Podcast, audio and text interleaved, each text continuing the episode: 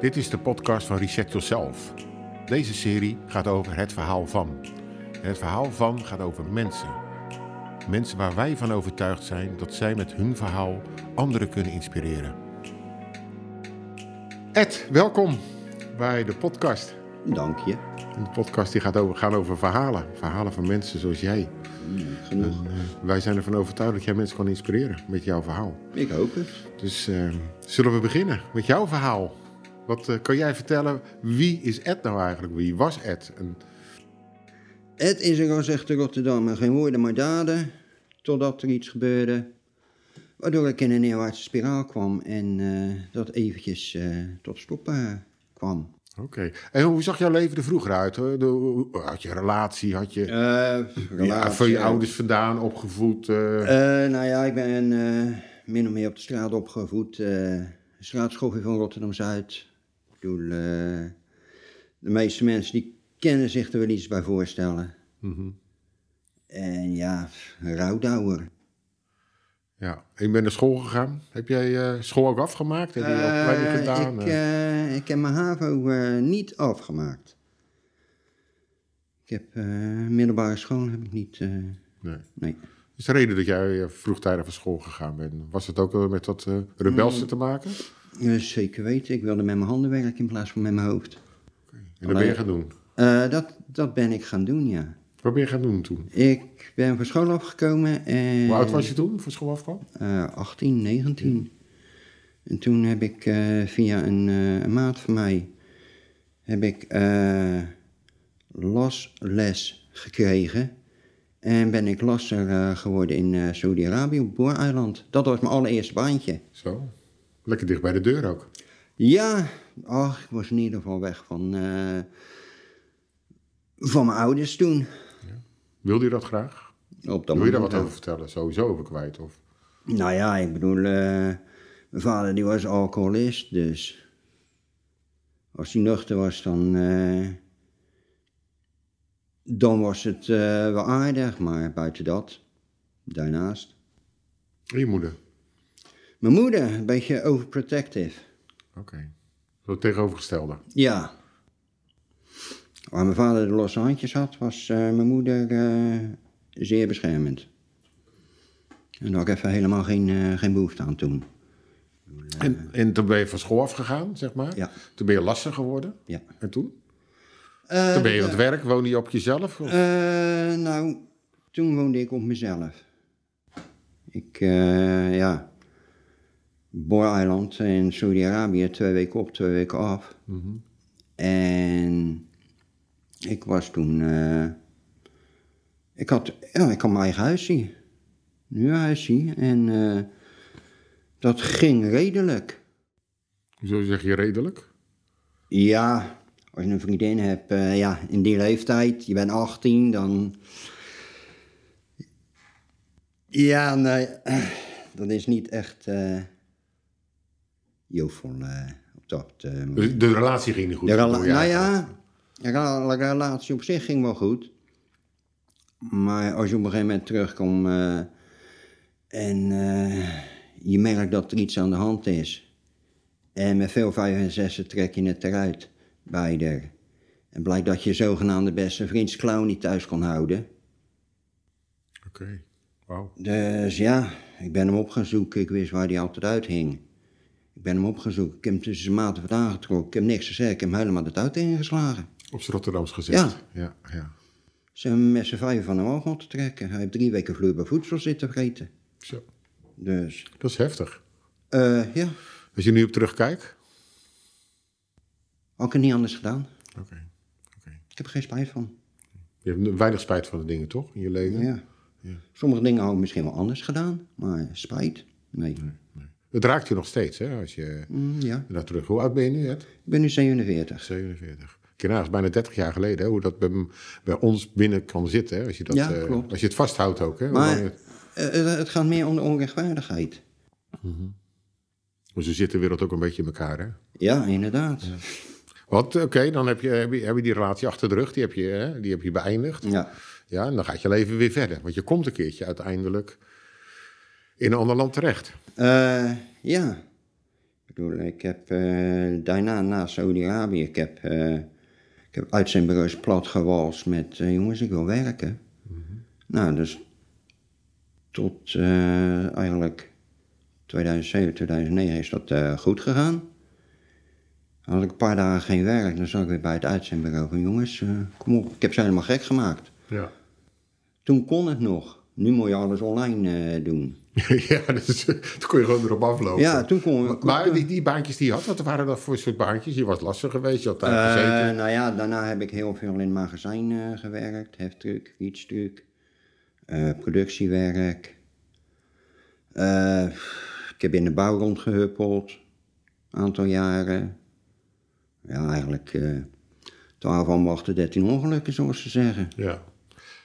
En toen, dat, eh, toen, die baantje, wat, wat, eh, toen die baantjes voorbij waren, wat er is een moment gekomen dat jij het leger ingegaan bent? Eh, ja, ik heb eh, eerst, nou ja, in t- 92 eh, dienstplicht. Ja, dat was een lachetje. En toen op een gegeven moment, 2007, ik, ik had een aantal verkeerde beslissingen genomen en ik had zoiets van, ik wil hier weg. Nou, toen ben ik, ben ik het leger ingegaan.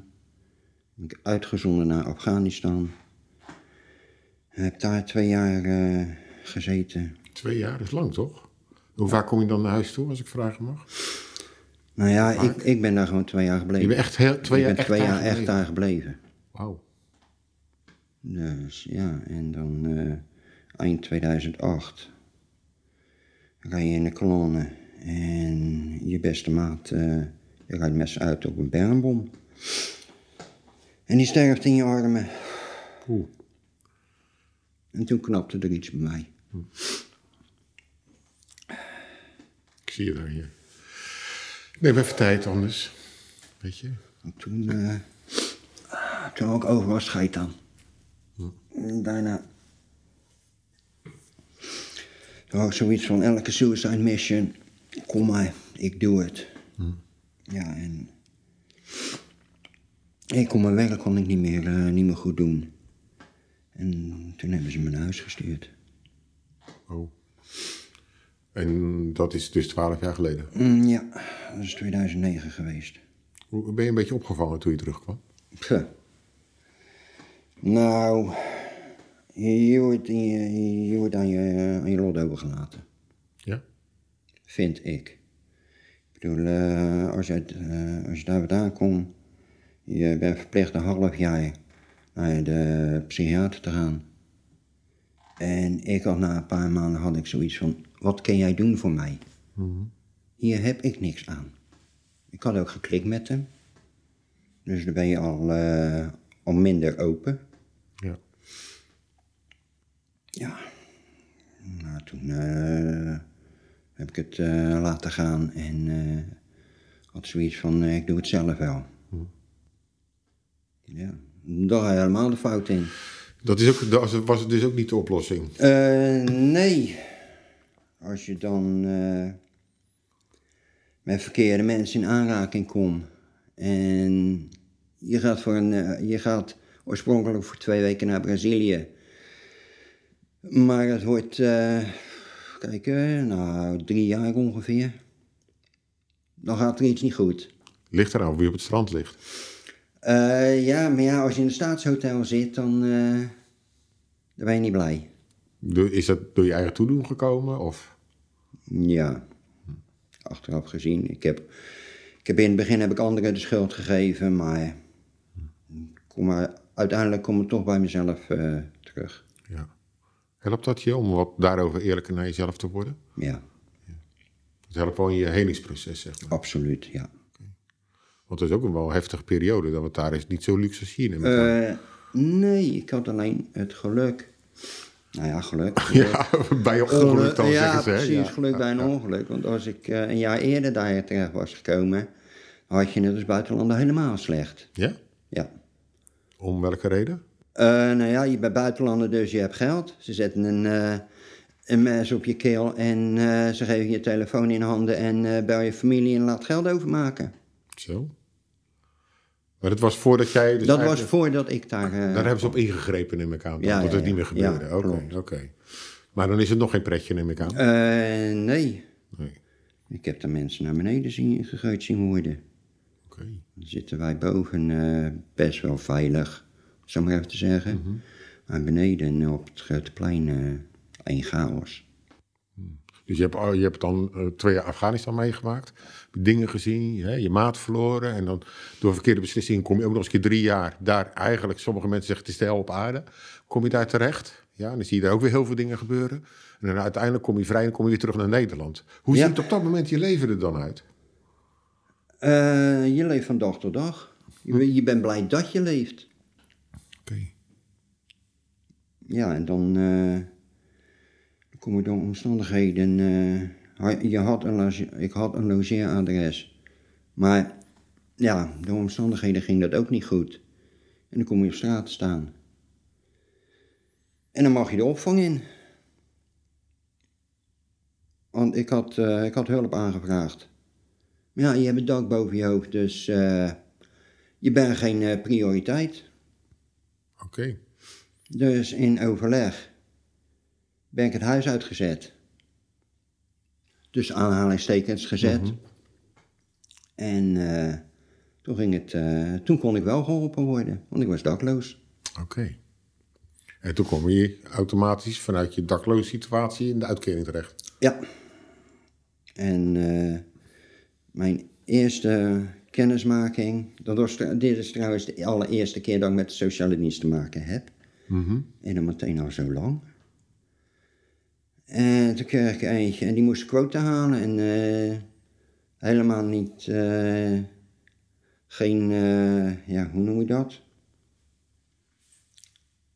Hij, hij zag je als een nummer, niet als een mens. Zo ervaarde jij dat ook. Zo ervaarde ik dat, ja. Ja. Zeker met de problematiek die je hebt natuurlijk. Ja, Dan komt het natuurlijk denk ik nog harder binnen. Ja het, een paar keer weinig gescheld op. Ik had hem dus een bureautje vandaan getrokken. Wist hij het ook van je verleden?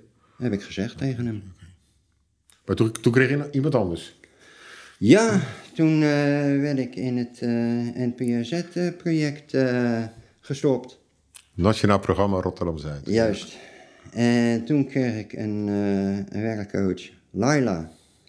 Nou, een fantastisch vrouwtje, echt. Daar heb ik heel veel aan gehad. Zij was meer psychiater, psycholoog, dan, eh, dan die vent die ik eerst had. Oké, en wat was er dan zo spe- specifiek aan haar? Zij Wat... behandelt je als mens. Oké. Zij ziet jou als mens en niet als een of ander projectje van, jou moet ik aan het werk helpen. Maar ze luisterde echt naar je.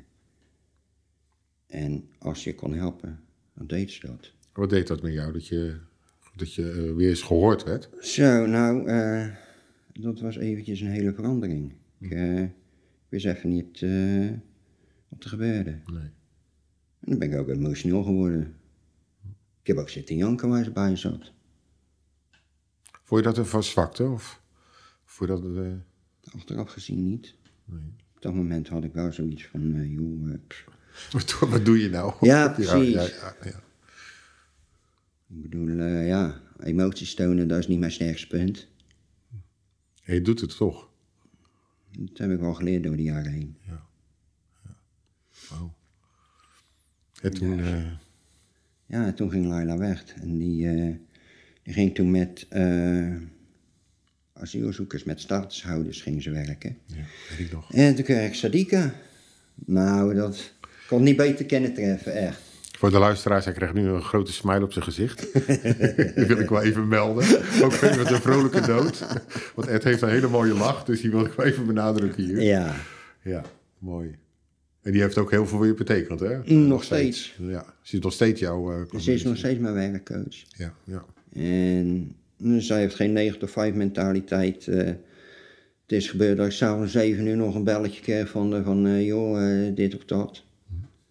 Dus heerlijk. Ik kan haar ook s'avonds om 7 uur nog eventjes eh, bellen. Als ik ergens mee zit. ja. En uiteindelijk hebben wij elkaar ontmoet. Ja, dat ik daar blij mee moest zijn als een tweede. Maar, Goed zo, goed zo. Ja, absoluut. Vooral eerlijk zijn, hè? Ja. Ja, ja, ja. Ik ben wie ik ben. Wat je, zie- what you see is what you get. Ja, absoluut. Dat heb ik ook altijd in je gewaardeerd, wil ik even zeggen. Dus Echt een eh Rotterdamse type, zeg ik altijd. Ja, eh, waarom met verdoezelen? Ja. Komt toch, de waarheid komt toch wel eh, eruit. Dus eh, Maar goed, toen zat je dus eh, zes dagen ineens in een groep met mensen die allemaal weer hun dingetjes hadden. ja, Er zat Ed ineens tussen. ja, inderdaad, ja. Je weet het, ik heb, ik heb gelijk van het begin af aan, heb ik al gezegd, van, eh, van hoe of wat. Ja. Waar ik geweest ben, waar ik vandaan kom, hoe ik in elkaar zit. Ja, je hebt direct aangegeven, joh, dit heb ik, dit Ja. is mijn probleem. Als het te veel wordt, dat is een hele belangrijke les in de groep ook, hè? Mhm. Omdat jij van tevoren heb jij je grens aangegeven. Van, hey, dit heb ik meegemaakt. Eh, weet je, daar moet je op letten bij mij, want anders gaat het niet goed met mij. Ja. En dat was heel erg help, helpzaam voor ons. Ja, Weet je, om daar rekening mee te houden. En daar hebben we natuurlijk zes dagen fantastische dagen gehad met elkaar. ja absoluut. Bij de eind was het natuurlijk ook heel, dat kan ik me nog heel goed herinneren, wat er hè, allemaal gebeurde in de ruimte. Ja, dan kom je eruit en, en toen? Want dan heb je zes dagen doorgebracht, je hebt dingen gedeeld, je hebt hè, mooie verhalen gehoord, emoties, gelachen, van alles is er gebeurd. En dan is dat afgelopen. En dan? En toen? ja, en toen... Nou ja, je hebt sowieso heb je al ontzettend veel energie. Ik had in ieder geval ontzettend veel energie. Ik had er weer zin in. Ik had weer zoiets van, eh, ja, de oude Ed is weer terug. eh, van voor alles. eh. Ja, dan heb je ineens een euforisch gevoel. Van, eh, jongens, eh, we gaan ervoor. Ja. Dan eh, word je uitgenodigd bij het handtekeningen zetten. Door burgemeester Abu Talib, wethouder Moti, twee ministers. Voor de zoveel miljoenen voor Rotterdam-Zuid. Dan ben je een van de twee van de sociale dienst die uitgenodigd zijn. Ja, dan krijg je via een contact van de burgemeester... krijg je werk aangeboden. Nou, ik, eh, ik had zoiets van... hé hey jongens, eh, dat gaan we doen. Doen we even. Ja, dat doen we wel even, joh. Ja, niet wetende dat je ineens een terugval krijgt. Dat je psychisch eh, weer in elkaar stort. En het dus, dat je dus te veel hooi op je vork hebt genomen. Dat was ook wel even een, eh, een knak, hè, die dat weer gaf bij je. Mm, ja, dat was best wel heftig. Ja. Daar heb ik ook best wel lang eh, last van gehad. Was het, was het de, de, de terugval na de euforie van je? Ja. Was de euforie misschien te veel? Ja, het is, achteraf gezien is het allemaal te snel gegaan. Ja, Te veel, te snel. ja. Te veel achter elkaar. Ja. Ze wilde je ook gelijk interviewen allemaal. Weet je ook nog wel die periode? ja Dat, eh, inderdaad. Daarom ben ik wel ook nog even be- je bedanken dat je hier zit. Want ik weet hoeveel dit ook van je kost. Maar ik weet ook hoe, hoe enorm jij eh, bezig bent om de wereld een stukje mooier te maken om je heen.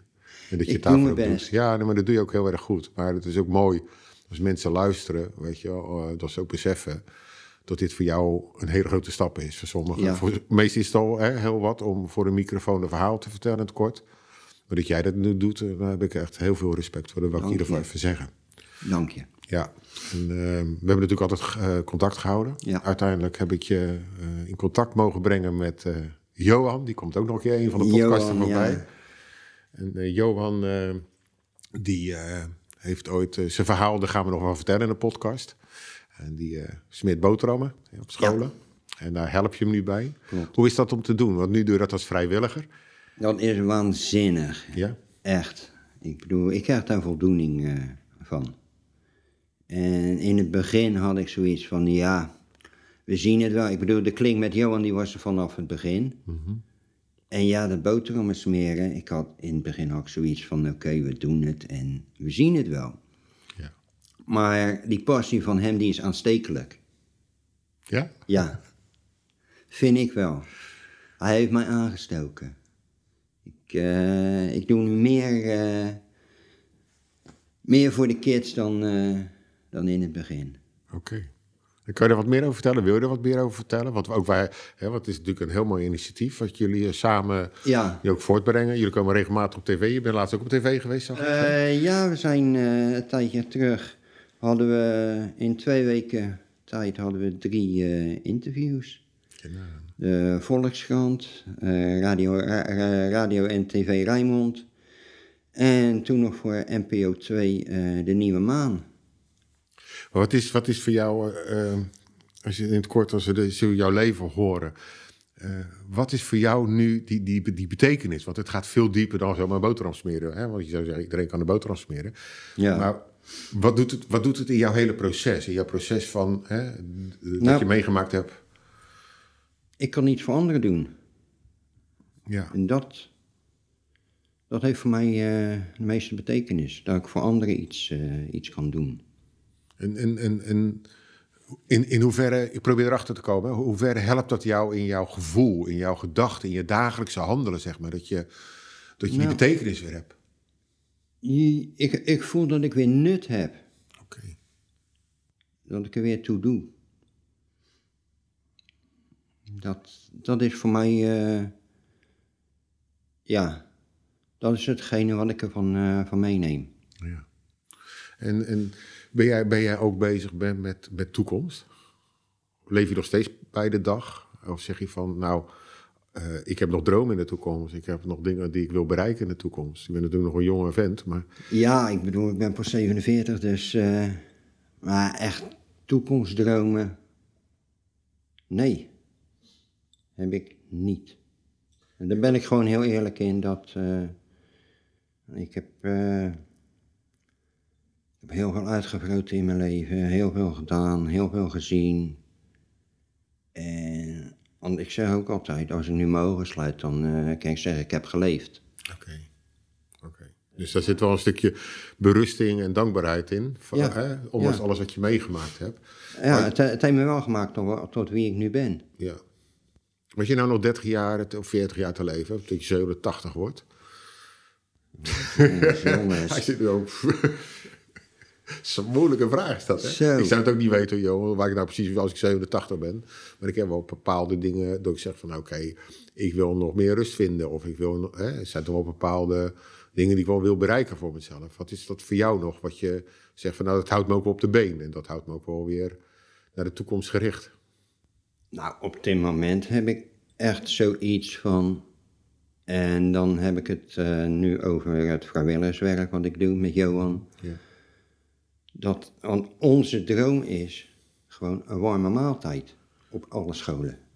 Ik bedoel, in Engeland kan het, in Frankrijk kan het, waarom hier niet?